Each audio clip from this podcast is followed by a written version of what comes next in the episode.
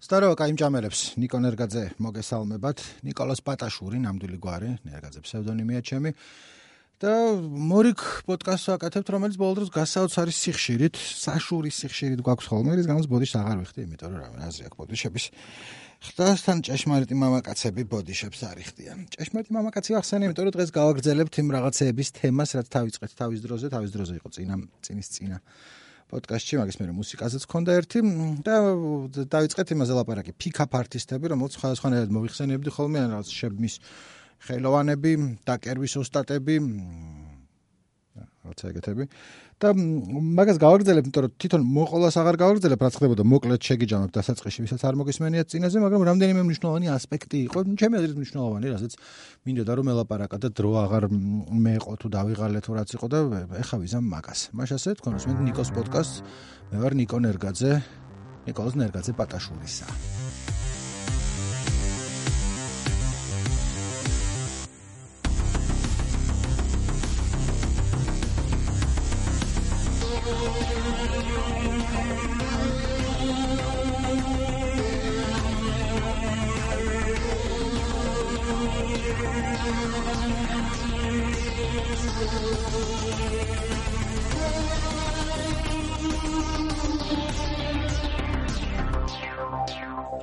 მოკლედ ვისაც წინის წინა გადაცემისთვის როცა ამაზე ქონდა ლაპარაკი არ მოგისმენიათ მოკლედ შეგიჯამებ და დანარჩენებსაც ხა არა ვარ დარწმუნებული რომ აა ნუ ვინმე ვალდებულია რომ ყველა სიტყვა ახსოვდეს ჩემი რა წინაზე ის მინა მოკლედ ლაპარაკობდით ბევრ სხვა რამეს შორის სასტავზე რომელსაც ერქვა pick up artist. ერქვა რა ეხაც არსებობენ ეგენი უბრალოდ დღეს ნაკლებად ძალაუფლება არც არასდროს მოკლედ ნაკლებად პოპულარული პონტია რაღაც დროს იყო რაღაც დროს იყო და საუკუნის დასაწყისში. 2000-იანი წლების შუაში და ცოტა მერე მათი გაფურჩქნის ხანა და რაღაც ინტერნეტის გავრცელების დროს დაემთხვა ნუ ის ვიდრე აი Facebook-ი და Tinder-ი და რაღაცები გახურდებოდა ფორუმებზე უცვლიდნენ ერთმანეთს აზრებს და დამოკიდებულებას თუ როგორ უკეთ უნდა დაკერო ხალი და ერთი რამე რაც აი ამ ხალხთან დაკავშირებით ხო ყველა ერთნაირი არ იყო ცხადია და წინა გადაცემის დიდი ნაწილი დაუთმე რაღაც აი ამ მიზოგინიურობას თუ სექსიზმს ამ პონტის მთლიანად ანუ არა ის რომ ხო ვიღაცის დაკერვა რო გინდა და სექსი რო გინდა ეს არ გინდა ხალი იყო გინდა კაცი ამის გამო სექსისტი და მიზოგინი არ ახარ მაგრამ როგორც უდგებოდნენ ისინი ამ საკითხს თავის თავად უბიძგებდა ადამიანს იქითკენ რომ ამ ხარეს წასულიყვნენ. რას გულისხმობ რომ თელი მუღამი ამ pick-up artist-რის ამ თელი ამ პონტი იყო რომ რაღაცა ქცევები, პატერნები შეგემუშავებინა, რის მიხედვითაც მე ეს პატერნები შეგემუშავებინა. ჩემ თავზე ირონიით თქვი და არა ის თქვი თქვენ სიტყვა პატერნები არ ხო ხვდებით რა არ გჭირდება ხოლმე მაგისი ახსნა ერთმანეთთან. და მთელი ეს ურთიერთობა იყო დაყვანილი ერთგვარ walk through დონეზე. walk through ვინც არის ეს არის ხოლმე ალბათ იცით, მაგრამ მაინც თამაშის რჩევებიან, კომპიუტერულ თამაშს რო თამაშობ და გაიჭედები, ადრე იყო რომ ტექსტურ ფაილს წაიკითხავდი, ეხლა არის ხოლმე YouTube-ზე ვიდეოს უყურებ, გეუბნებიან რა გააკეთო და როგორ. და თუ თამაშობ თქვა როლურ თამაშს Skyrim-ს სიტყვაზე ან რაღაც multiplayer-ს, World of Warcraft რაღაცა ეგეთ ხვები არ მითამაშია, იქ ახლა შეიძლება რაღაც დონე როგორ გახვიდე იყოს, მაგრამ უფრო ზოგადი რჩევები ახალმე თუ აი რა უნდა გეცვას რა აბჯარი min-maxing-ი ქვია მაგას, რომ ეს ატრიბუტები რაც გჭირდება, ბევრი კონდეს და რაც არ გჭირდება, ნული გქონდეს. სიტყვაზე თუ რაღაც მღვდელი ხარ, კლასი, ანუ არაც მართლმადიდებელი მღვდელი, არამედ World of Warcraft-ში priest, რომელიც უმეტეს შემთხვევაში სხვების მორჩენით არის დაკავებული, გამონაკლისებიც არის. ამ შემთხვევაში გინდა სიტყვაზე რომ თქვათ აბჯარის აბჯრის ატრიბუტი ისე არ გაინტერესებს, იმიტომ რომ თუ ვიღაცამ გესროლა, მაინც მოკვდები, მაგრამ იქამდე არ უნდა მიხვიდე, რომ ვიღაცამ გესროლოს და ამიტომ გაძლიერებული გაქვს რაღაცა სხვა. ხა რატო გავჭედე ამას და რატო გადავხვე? ბოლომდე არა ვარ დარწმუნებული, მაგრამ ხო speak-up artists კონდეთ ესე ჩამუშავებული walk through-სავით. მინმა რა უნდა გააკეთო, როგორ გააკეთო, რა შემთხვევაში, ეხ გამახსენა და ლაპარაკობდი ამაზე, იმიტომ რომ ძალიან გამახსენა, ანუ იდეაში ეს რომ მუშაობდეს კიდევაც. ანუ speak-up artist-ის პონტი, ჩემი აზრით, მუშაობს, ბევრის აზრით, ასევე დაწერილია რომ მაინდა-მაინც არაფერს არ აკეთებს. ჩემი აზრით მუშაობს არა იმიტომ რომ იმ კონკრეტულ რჩევებს რომ მიყვები რაღაც საიდუმლო გასაღები აქვს ადამიანის ფსიქოლოგიაში ნაპოვნი, არამედ იმიტომ რომ ძირითადი რჩევები, რასაც გეუბნებიან, ის არის რაც გეხმარება მე დეიტინგში. ანუ საკუთარი თავის რწმენა რომ უნდა გქონდეს, რაღაც დაჩმორებული არ უნდა მიხვიდე წინასწარ და ცოტა რაღაცა ხრებში გაიმართო და რაღაცას გავდედე. ეგ გეხმარება და მე ის კონკრეტული დეტალები რამეს გიშვება თუ არა, ეგ ძალიან მართლაც და სათუო. მე მაგალითად სულ პირველი პირველია თუ მეორე თაობის ამ პიკაპ არტისტებს, აი მისტერიზე ვილაპარაკე წინაზე. ემათ ესეთი სტილი იყო, სტილი იყო, სტილი იყო, პიკოკინგ ქვია, ფარშევანგობა.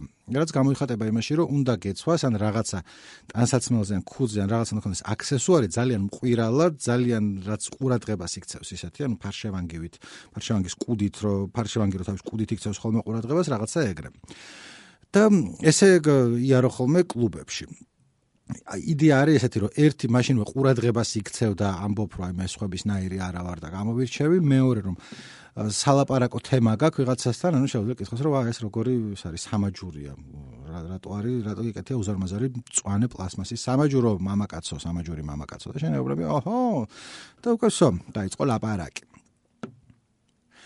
ამ ხალხს შესავალი გავაკეთე და ჯერ იქამდე არ მისულა რის თქმაც მინდა ხო და რის თქმაც მინდა არის ეს რომ წინაზე ძირითადად ვილაპარაკე აი ამ ასპექტზე მიზოგინიის რომელიც ეხა დავიწყე წინადადება და ვერ დავამთავრე და ეხა დავამთავრე მომდინარეობს იქიდან რომ შესაძ ურთიერთობა დაკავს და სხვა ადამიანი უბრალოდ ობიექტებად რო აი შემდეგ ესე უნდა ელაპარაკო ისე უნდა ელაპარაკო მე ამასით რომ მე უკვე უშუალოდ ის ადამიანი კი აღარ გაინტერესებს რაღაცა გადადიან ამ სპორტზე რომ ვის უფრო მეტ ქალთან ექნება ურთიერთობა და თან მე იქ ერთმანეთს უყვებიან ამის შესახებ და თან მთელი მუღამი არის აუცილებლად რომ სექსით დამთავრდეს ხა? ეგ F close ანუ final close ან fuck close ყველაზე მაგარი close-ი ანუ ყველაზე მაგარი დასრულებაა შენი ნადირობის მაგრამ შეიძლება იყოს number close-ი ან kiss close-ი რომ თუნდაც აკოცე და ეს დაიშალე ეგეც პლუსებში გეწერება და ეს ახლა ეს Excel-ის ფაილებში არითმეტიკა და აი მე უფრო მაგარი ვარ და დღეს სამხალს ვეცავე. მე იქამდე დადის რომ ხალი კი აღარ გინდა რაღაცა ნადირობაზე ხარ გადასული და მე უბედური ხდები, იმიტომ რომ მთელი მუღამი ხა იდეაში თავიდან რაშიც გეხმარება, რომ არ დაიბნე, როდესაც ვიღაცა თქვა უცხოს ელაპარაკებიან, არ არის უცხო ან რაღაც ცოტა უფრო სწორად მოიქცე, მთელი მაგის მუღამი ის არის, რომ ადამიანთან სიამოვნებდეს ურთიერთობა და თუ სულ ერთია შენთვის ვის დაელაპარაკები, მთავარია რომ რაღაცა ნომრები ჩაიწერო, რომ აი ეს ქენი ესე გავიმარჯვე, მე თავის თავად გამოდის, რომ გადადიხარ არასწორი ცხოვრების ხედვაში, რომ მარტო მიზოგინიას და სექსიზმზე არ არის არის ასევე იმაზე, რომ შენთანაც ხო რაღაც ბედნიერი უნდა იყო, მაყოფილი უნდა იყო ცხოვრებით და თუ რაღაც იმას დასდევ და რაღაცა მე რაც წამიკითხოს შედარებით ტვინიანი ტიპები ვინც იყვნენ, ყველანი უბედურები იყვნენ და ხვდებოდნენ, რომ ცოტა არ იყოს სისულელე იყო, რასაც აკეთებდნენ. მაგრამ ეხლა სამოვი რომ დღეს რაზეც ვილაპარაკებ არის რაც ჩემი აზრით რაშიც მართლები იყვნენ ეს პიკაპ არტისტები და დღემდე მართლები არიან და ინტერნეტით დიწილად მეხმარება ხოლმე. ვიდრე ამაზე გადავიდოდი როგორც წინა გადაცემაში გავაკეთე თავიდან ერთგვარი თავის დაცვა, ეხლაც ესე გავაკეთებ, რომ ეხლა რასაც ვლაპარაკობ, თავს არ ვდებ, რომ ან რამე ფსიქოლოგიის სპეციალისტი ვარ, ან მით უფრო დეითინგის არ ვინმე შეკერვის არ რაღაცა 100 წელი არავარ სხვებზე ნაკლები ვიცი და არ ვდებ თავს და რაღაც. აბარატო ლაპარაკობ, იმიტომ რომ მინდა ლაპარაკი და მაგ საშუალება და მაგიტო ლაპარაკობ და ისაც მაგიტო აკეთებ ხოლმე პოდკასტ ერთი და მეორე მაგის და მიუხედავად დარწმუნებული ვარ, რასაც მომა 100%-ით მართალი ვარ. ანუ იმის და მიუხედავად ვარც მაგისი სპეციალისტი ვარ, არ ჩემი სწავლია, სხვებმა უკეთესად იციან რაღაცები შეიძლება შემეშალოს, მაგრამ დიწილად, რა მგონია რომ მართალი ვარ და გიზიარებ და ეხა ერთი რაში ძალიან მართალი არის ხოლმე ეს პიკაპ არტისტის სამყაროში აბრევიატურა AFC ქვია average frustrated champ რომელიც არის როგორიც champ არც ვიცი რაღაც ნე საშუალო იმედგაცრუებული ბიჭუნა champ არ არის ბიჭუნა მაგრამ ბრავი რაც არის რაღაც ტიპი რომელიც მიდის და შეაკეთებს ხოლმე და ცოტა დაცინვით უყურებენ ჩვენ ავართ ეს AFC-ები ვინც პიკაპ არტისტები არ არიან და ისინი ვისაც ბუნებრივად ეს ყველაფერი არ გამოსდეს. იმიტომ რომ პიკაპ არტისტების მუღამი კიდე იყო, რომ ისინი კი არ იყვნენ განსაკუთრებულად ლამაზები ან ყოჩაღები ან ძლიერები, უფრო ნერდები იყვნენ და ამიტომაც ნერდულად რაღაცაი კომპიუტერული walk-through-ს თამაშების walk-through-ს სტილში უდგებოდნენ ხოლმე ამ ყველაფერს. ამიტომ ისინი ამბობენ, რომ თუ ეხა ფული გაქვს, ან ცნობილი ხარ, ან მსახიობი ხარ, ან ისედაც შარმი გაქვს ცხოვრებაში, ესენი შეიძლება არ გჭირდებოდეს, იმიტომ რომ არც ფიქრობ ამაზე, თავისთავად სწორად აკეთებ ყველაფერს. და დანარჩენი ჩვენ სასტავს, ვისაც არა გვაქვს ეხა შეიძლება მახინჯი არ ვიყო, მაგრამ არც არავის ლამაზი არა ვარ, არც არავის ძლიერი არა ვარ, რაღაცა გჭირდება რომ გავხსნათ თუ სინამდვილეში რა დინამიკა არის ქესთა შორის ურთიერთობის დროს. ერთ-ერთი ესეთი დინამიკა, რომელიც ამერიკელ ინგლისურად თქვა ხოლმე nice guys და ქართულად არ ვიცი როგორ ითარგმნება, მაგრამ დღემდე არის ხოლმე ინტერნეტში დასაცინი პონტი. nice guy არის ტიპი, რომელიც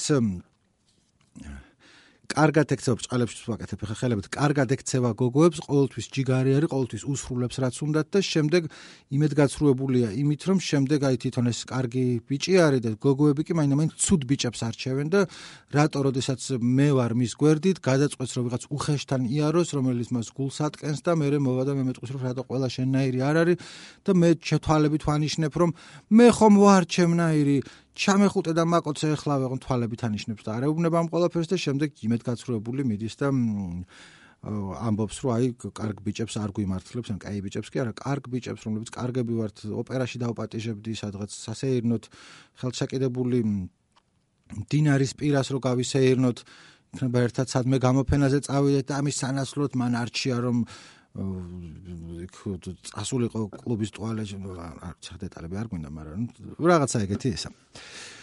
და ეს პიკაპ არტისტები ამ მომენტში რაში 100% მეთანხმება რომ ეს ვითომ კარგი ბიჭები სინამდვილეში კარგები კი არა შეიძლება უარესები იყვნენ ვიდრე სხვები არიან. იმიტომ რომ არიან მატყუარები გოგოებთან და საკუთარ თავთან. ანუ ნახე აზრი რა არის რომ თუ კარგი ტიპი ხარ და ვინმესთვის რამე კარგის გაკეთება გინდა და ჯიგარი ხარ და კეთილი ხარ და გოგოს კარგად ექცევი ამას არ უნდა აკეთებდე სექსის მოლოდინის სანაცვლოდ. ანუ აი სპონტი რომ ნახე, მე კარგად მოგექცევი რომ დაგჭირდება წამალს ამოგიტან, ჩაის დაგალევინებ, რაღაცა ბილეთებს მოგცემ, ფულს გასესხებ, რომელსაც არ დამიბრუნებ და მე რატო ჩემთან არ წევხარ? ეგ არის ეგ არის ბოზობა მე თუ მკითხავ. კაცის მხრიდან რა, იმიტომ რომ თუ ვიღაცას გინდა რომ ამოუტანო წამალი, რაღაც სიგარეტის ფული მისცენ, რაღაცა მოუარო, იმისთვის უნდა გინდოდეს რომ უბრალოდ კეთილი ხარ და თუ კარგი ხარ, მართლა კარგობით აკეთებ ამას და არა იმიტომ რომ მე რაღაცა საზღაურსელი გოგოსგან და მე როცა ელი და თან ამბობ რომ ნახე მე ესეთი კარგი ვარ და ის ხვასთან რატომ მიდის? თუ ძმა ხარ რა, ანუ არა ხარ კარგი. მატყუა რა ხარ შენ, შენ თავის გოგოების და მთელი იმისი საქართველოს საქართველოს მოწყობილობა არ ვიცი, მაგრამ გავხურდი მაგას. და ამ კონცეფტთან არის დაკავშირებული მეორე, რომელიც პირდაპირ არის გადაჭრული და ეხლა nice guys-ზე ველაპარაკებ და ეგეთ რაღაცაზე, რასაც ქვია friend zone, რომელიც ალბათ გაგიგეთ ყველა მიცის კაციან ქალიანად მეგობრობის ზონა. მეგობრობის ზონა ჩემი იდეა არის ხა ვლაპარაკობ pick-up artist-ებს დავანებ, რომ friend zone-ი არ არსებობს და არის გამოგონილი მითი იმისთვის რომ ქალებზე ნერვები მოგეშალოს და როგორი ბოროტები და საზიზღრები არის. იდეა არის ესეთი zone-ი არა თუ რაღაც ფილოსოფია რომელიც ამის უკან. ხა ფილოსოფია ის არ არის წმინდა გონების კრიტიკა და რაღაცა რა ვიცი მე. არა უბრალოდ რაღაც ხედვა თუ როგორ არის ურთიერთობა აწყობილი ქალსა და კაცს შორის. ისინი ამბობენ რომ გოგოსთან რაღაცა იწყებ ურთიერთობას გოგო ავტომატურად წვეთს რომელ რომ ორი კიბეა რა ერთი კიბე ვისთანაც სექსი ექნებოდა და მეორე კიბე ვინც მეგობრები არიან. და თუ მეგობრობის კიბეზე შექსვა ესე იგი ვსო, წასულია შენი საქმე, ძალიან რთულია რომ მეორე კიბაზე გადახვიდე და სულ დარჩები ასე მეგობრობის ზონაში. ცოტა ორი კონცეფტი აური ერთმანეთში, ერთი კიბეების თეორია ბრჭყალებში, თეორია ხარ არ არის მაინც თეორია და მეორე friend zone-ის, მაგრამ დაახლოებით ერთნაირია რა. ანუ იგულისხმება თვითონ ეს pick up artist-ები ამბობენ რომ არსებობს friend zone და friend zone-ი არის იქ სადაც არავის ბიჭს არ უნდა რომ მოხვდეს, იმიტომ რომ შენ მოგწონს გოგო, გინდა რომ მასთან იყო, ის კი შენ გიყენებს როგორც ბჭყალებში, ხო, იმათი ტერმინია ჩემი არ არის ემოციურ ტამპონს. ანუ ის შორსაც არ გიშვებს, არ გეშვება, მაგრამ ამავე დროს შენთან არასდროს არ ექნება სექსი, რომანტიკული ურთიერთობა არ ექნება, ყოველთვის მოგიყვება თავისი სხვა ბოიფრენდების შესახებ, რომელიც ცუდად მოიქცა, როგორ ეს ცუდად მოიქცა, როგორ ახლა დაშორდნენ, როგორ ის იმან უღალატა საჭმელად წაიყვანა და ცოტა დაახარჯა და ნეტა ყველა შენნაირი იყოს ესე გეუბნება შენ რა კარგი ბიჭი ხარ და ის nice guys უბრუნდები დროს guys არის ხოლმე friend zone-ში და ის ტირის მერე თავისთვის სახლში ძილის წინ ცრემლებში ალბობს ბალის რომ მე მინდოდა მარიკა თუ ნატა თუ რა რა სახელი ნინო ევდოკია, ევდოკია ალბათ არ ქვია არავის. და რატომ? როდის დაინახავს რომ მე ვარ ის მინც მინდოდა. და მოკლედ ნამდვილი მამაკაცებიან ფრენდზონში არ აღმოჩნდებიან ხოლმე. ეხა აი ყველაფერი არის სისულელი. ცხადია არსებობენ ადამიანები რომელიც აა ეს გულისხმობ რომ არის სისულელი. ჩემი გადმოსახედიდან ეგეთი რაღაცა რომ თუ ადამიანთან მეგობრობ, ადამიანთან მეგობრობ. ანუ ასე ხედავ მე, ნუ გოგო და ბიჭი. ხო, ვიღაც არის ბიჭი, მეგობრობს გოგოსთან, გოგო მეგობრობს ბიჭთან. ხა ბიჭს უნდა რომ სექსი კონდეს გოგოსთან. გოგოს არ უნდა რომ სექსი კონდეს ბიჭთან. ეხლა არ შეიძლება სექსისტურად თუ რაღაც ესე გამოდის ძველმოდურად, მაგრამ მე მგონი კაცი ცოტა უნდა კაცობდეს, თუ რა ვიცი, კაცურად მოიქცეს, რომ თავის ხრივ აწონ დაწონოს ვითარება, რომ თუ არ უნდა ისე მეგობრობა და იტანჯება იმით, რომ ის გოგო თავის ბოიფრენდებზე რაღაცას უყვა, მაშინ გაეშვი. თქვი არ მინდა რა, ნუ რა მე მე მინდა რომ ერთად ვიყოთ რაღაცა რომანტიკული ურთიერთობა გქონდეს. იმას არ უნდა, ნუ შევეშვათ ერთმანეთს. თუ ეხა გაწყობს და მაინც მოგწონს ის გოგო და ემეგობრები, მაშინ ასევე მე თქვა რა გამოდიხარ, თუ რაც უსმენ იმის ტირილებს, როგორ რაღაცა PMS-ი აქვს და რანაირად ბიჭმა აწყენინა და შენ გულში ფიქრობ, რომ აი რატო და ამ ფრენძონეში საზღარო თუ რაღაც აი გემეგობრება. ეხლა ხედავ არსებობენ ადამიანები, ქალების და კაცებიც, რომლებიც ყურადღების გამო მართლაც და ხვდებიან, რასაც აკეთებენ და სპეციალურად შვებიან, მაგრამ ეგეც ხო ის არის რა სპექტრია. ყველას ქონეს მომენტი რომ შეიძლება ყურადღება სიამოვნებს ვიღაცისგან, მაგრამ არ მინდა იმასთან არაფერი და ამის გამო ცუდი ადამიანი არა ვარ, ხა თუ იმასაც არ უნდა რომ ესეთ პონჩი იყოს, წავიდეს რომ ყველამ თავის თავს მიხედოს. ეს არის ჩემი აა გადასარევი თეორია ამასთან დაკავშირებით. იცი რა მინდა ახლა ერთ სიმღერას გავუშვებ რომ არ დავიღალო ძალიან და ამავე თემაზე გავაგრძელებ ორ წუთში. ჩემ ერთ-ერთი საყვარელი სიმღერა არის არა მარტო სიმღერულად, არამედ იდეურადაც. პრინცის სიმღერა ქვია Pope. პაპი.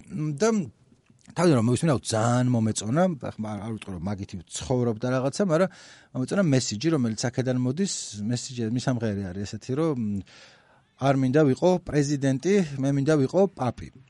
არ მინდა ვიყო გვერდითი მოვლენა, მე მინდა ვიყო dope, წამალი. მე მგონი რომ მაგარია. This is the part. you cop got mags every dippy dippy dope, but the whole damn nation got the same. Honey, only flock to the beat that's supporting not the president with government lame. Put me on a slow moving parliamentary hacking bandwagon. You can put me little ass in the grave. Every time you want it, I'll be live, bring a date. I mean computer when it's over, press save. So you can be the president. I'd rather be the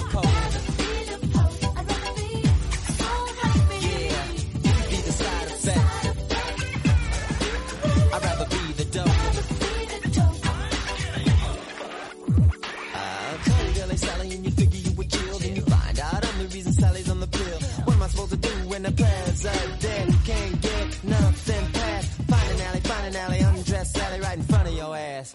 Uh, I say you can be the president.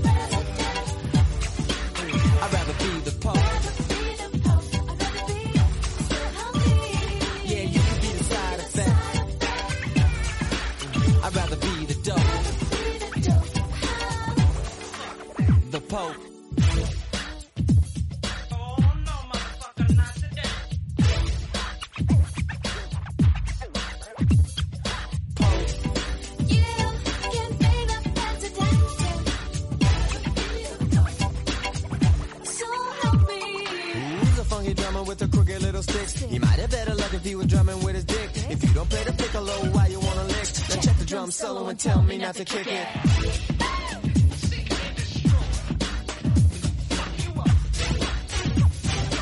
I love the taste of unpredictable licks. A loop is a loop is a loop. Uh. A loop is a loop is a loop. Uh. A loop is a loop is a loop is a loop is a loop is a loop is a loop. Your car got mags, every dippy dippy dope, but the whole damn nation got the same only flock to the beat that's supporting that the president with government lane. Put me on a slow moving parliamentary hacking in the grave. Every time you want it, I'll be live, bring a date. I mean computer when it's over, press save. So you can be the president. I'd rather be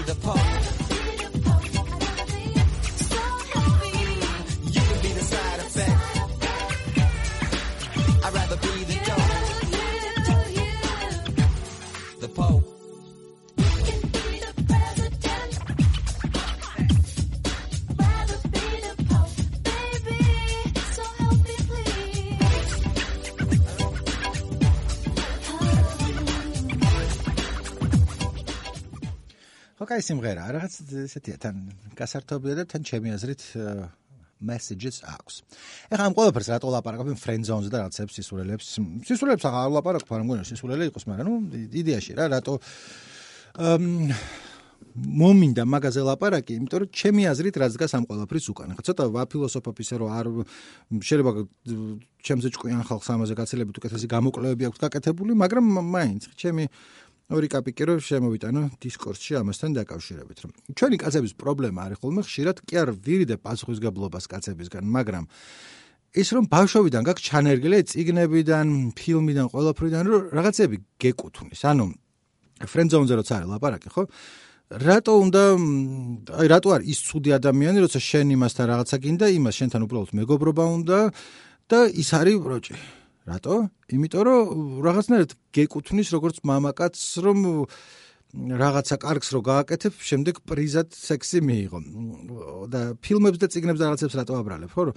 თქვათ ნებისმიერი ამერიკული ის რო ავიღოთ, სპორტული ფილმი ან რაღაც კარატეზე ან ჭიდაობაზე ან ბოქსზე ან ფეხბურთზე, რა ვიცი, ყველაფერზე, ყველაფრის ის არის, რომ აი ტიპი არის, რომ ლუზერი, რომელიც ბოლოში წარმატებას მიაღწევს და რახან წარმატებას მიაღწევს, ამიტომ დაითრევს ქალს, თორემ მანამდე ვერ დაითრევდა, რომ წაეგო.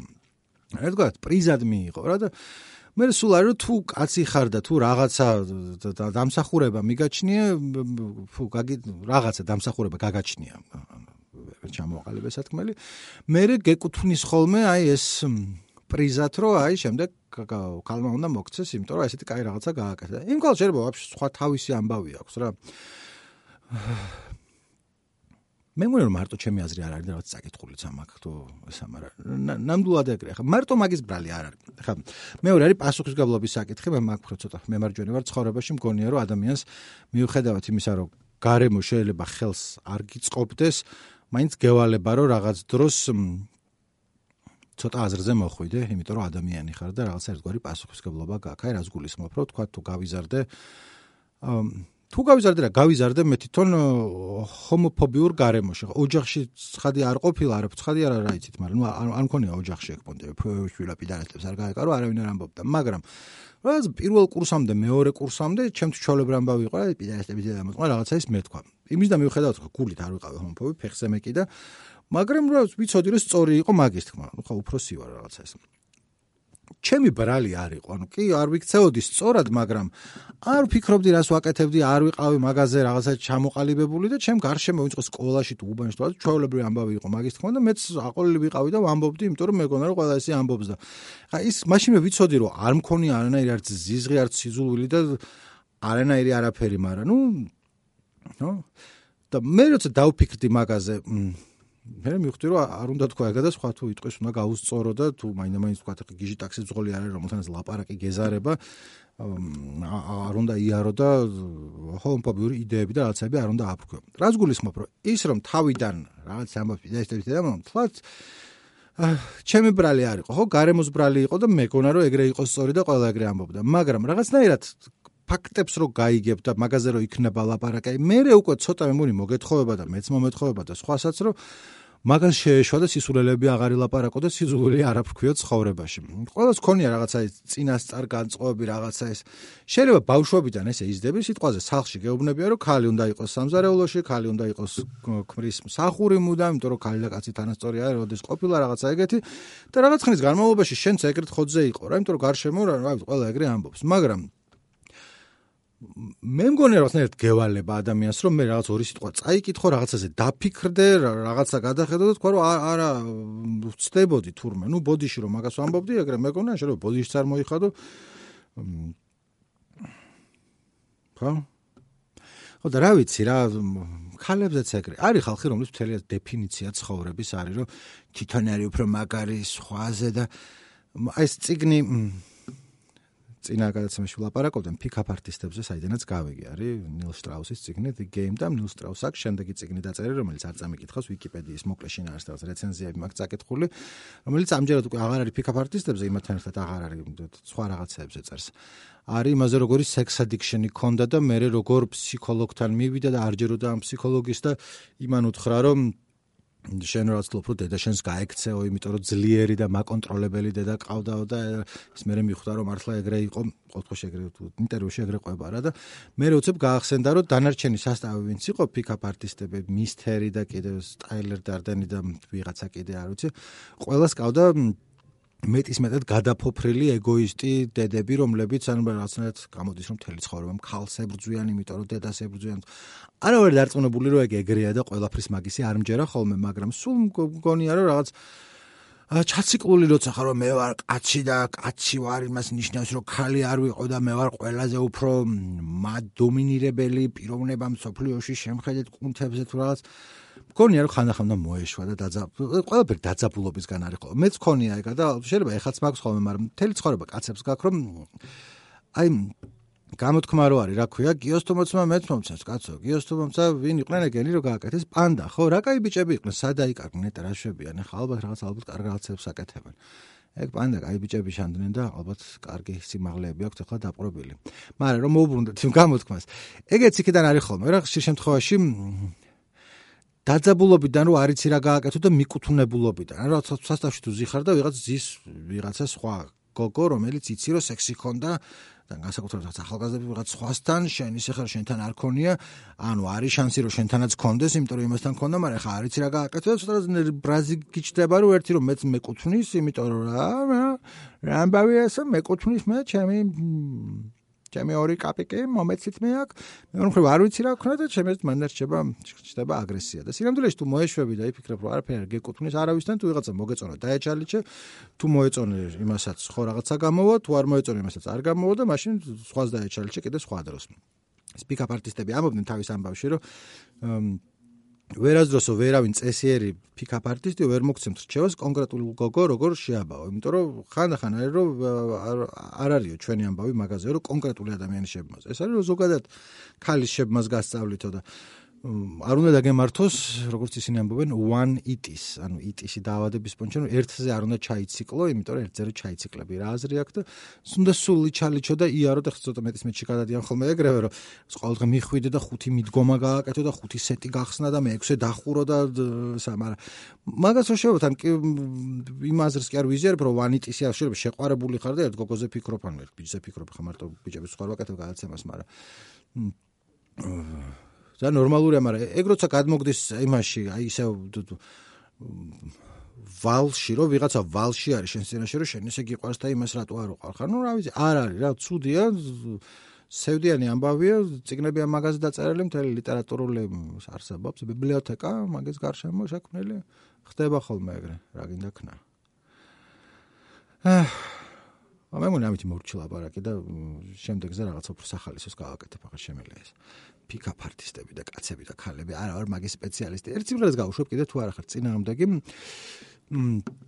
One Night Stand-ზე საუკეთესო სიმღერა ჩემის აზრით, იმიტომ რომ ლენარდ კოენის დაწერილია Chelsea Hotel No. 2 ქვია ან სიმღერა, სადაც ყובה როგორ იღვიძებენ ის და ვიღაცა ქალი სასტუმროს ოთახში გარეთ ლიმუზინები ელოდებიან და ერთმანეთს ელაპარაკებიან, რომ ის გოგო ეუბნება, რომ მე როგორ წესი ახლა უფრო ლამაზ ტიპები მირჩევნია, მაგრამ შენო კაი ტიპი ხარო და შენთვისო გამონაკლის დაუშვებო და ეს მე კი ფიქრობ ღერის ლენად კონა შენს ეს არ მახსენდები ხოლმე ეს უბრალოდ რაღაცა ეს რაღაცა იმინეტი ორ ეგეც არის სიმღერაში და სიმღერა ჯენის ჯოპლინზე იმიტომ თვითონ კონესაც უთქვამს რომ მათ რაღაც სექსუალურ ურთიერთობაზე იყო რომელიც იყო ზედაპირული და მისამღერი ეგეთი რომ მეო წახვედიო გაიქეციო და არ გამიგია არ გქონია ურთიერთობა რომ i need you i don't need you and all of this ანუ მე როცა ურთიერთობაში გადადის მე რომ ჭირდები არ მჭირდები და მე და ესე როგორი ზედაპირული ურთიერთობა ქონდა და არც ფიქრობ ხოლმე შენზეო ღერის ლერატ კოენი და ცოტა სასტიკად ჩანს ვიდრე არ გაითვალისწინებ რომ სიმღერა აქ ამას დაწერილი და კოენი როგორც პოეტი და უკიდურესად ღრმა ადამიანი და ბევრ რაღაცა რო ესმის. ხდები ან ვიცი მსმენელის ხდები რას კი არ ფიქრობ იმაზე როცა სიმღერა დაწერე და მღერი ხარ ახლა სამი წუთია მაგაზე ხო ჭკვიანურია მოდი გავუშვებ და მე კიდე თუ ამასთან დაკავშირებით რა მომინდება გითხრათ გეტყვით და მე დავასრულოთ in the chelsea hotel you were talking so brave and so sweet giving me head on the unmade bed while the limousines wait in the street those were the reasons that was New York. We were running for the money and the flesh. And that was called love for the workers in song. Probably still is for those of them left. Yeah, but you got away, didn't you, babe? You just turn your back on the crowd. You got a way I never once heard you say, I need you. I don't need you. I need you. I don't need you. And all of that jiving around. I remember you well in the Chelsea Hotel. You were famous, your heart was a legend. You told me again you preferred handsome men. But for me, you would make an exception. And clenching your fist for the ones like us who are oppressed by the figures of beauty. You fixed yourself. You said, well, never mind. We are ugly, but we have the music. ძალიან მიყვარს ეს სიმღერა MySpace-ი რომ მქონდა თავის დროზე, იქ რაც quote-ი რომ უნდა დაგეწერა, quote-ად მქონდა we are ugly but we have the music. რომ ცნაირი კაცია ლენარდ კოენი. არ ვიცი როგორ უნდა გამოვთქვა, ხომ შეიძლება ლეონარდ კოენი ჯობია რო თქვა, მაგრამ პირველად გავიგე ნირვანას იმაში არის. All Apologies-ში კი არა, Penny Royalty-ში. Give me Leonard Cohen after all. მას მე ლენარდ კოენს ვამბობ ხოლმე, მე მგონი ყველა გრამობს. რატო რატო გავიმართლე თავი, არ ვიცი. რაღაცები არაც მეშლება ხოლმე და არ ვიცი როგორ თქვა. თქო ვეტმონ. ვეტმონს ვერ ვიტყვი, არა მაქვს აქცენტი და ასთან შემდეგ. კაი, აქ დავამთავროთ და რა ვიცი, უახლოეს ხანებში დაგიბრუნდებით, ამასობის შემთხვევით ხოლმე ვიდეოებს ვაკეთებ რაღაცებს. ჯიმი და ნიკო იდება პარასკევობით, ორშაბათობით რადიო თავისუფლების მითები, ხან მე ვაკეთებ ხოლმე ხან სტუმარი მყავს, ხან გულანძღავენ და ხან ნაკლებად. და აქა-იქ რა შევხვდებით გარეთ ძმა სვაბოდაზე. სვაბოდაზე. Thank you.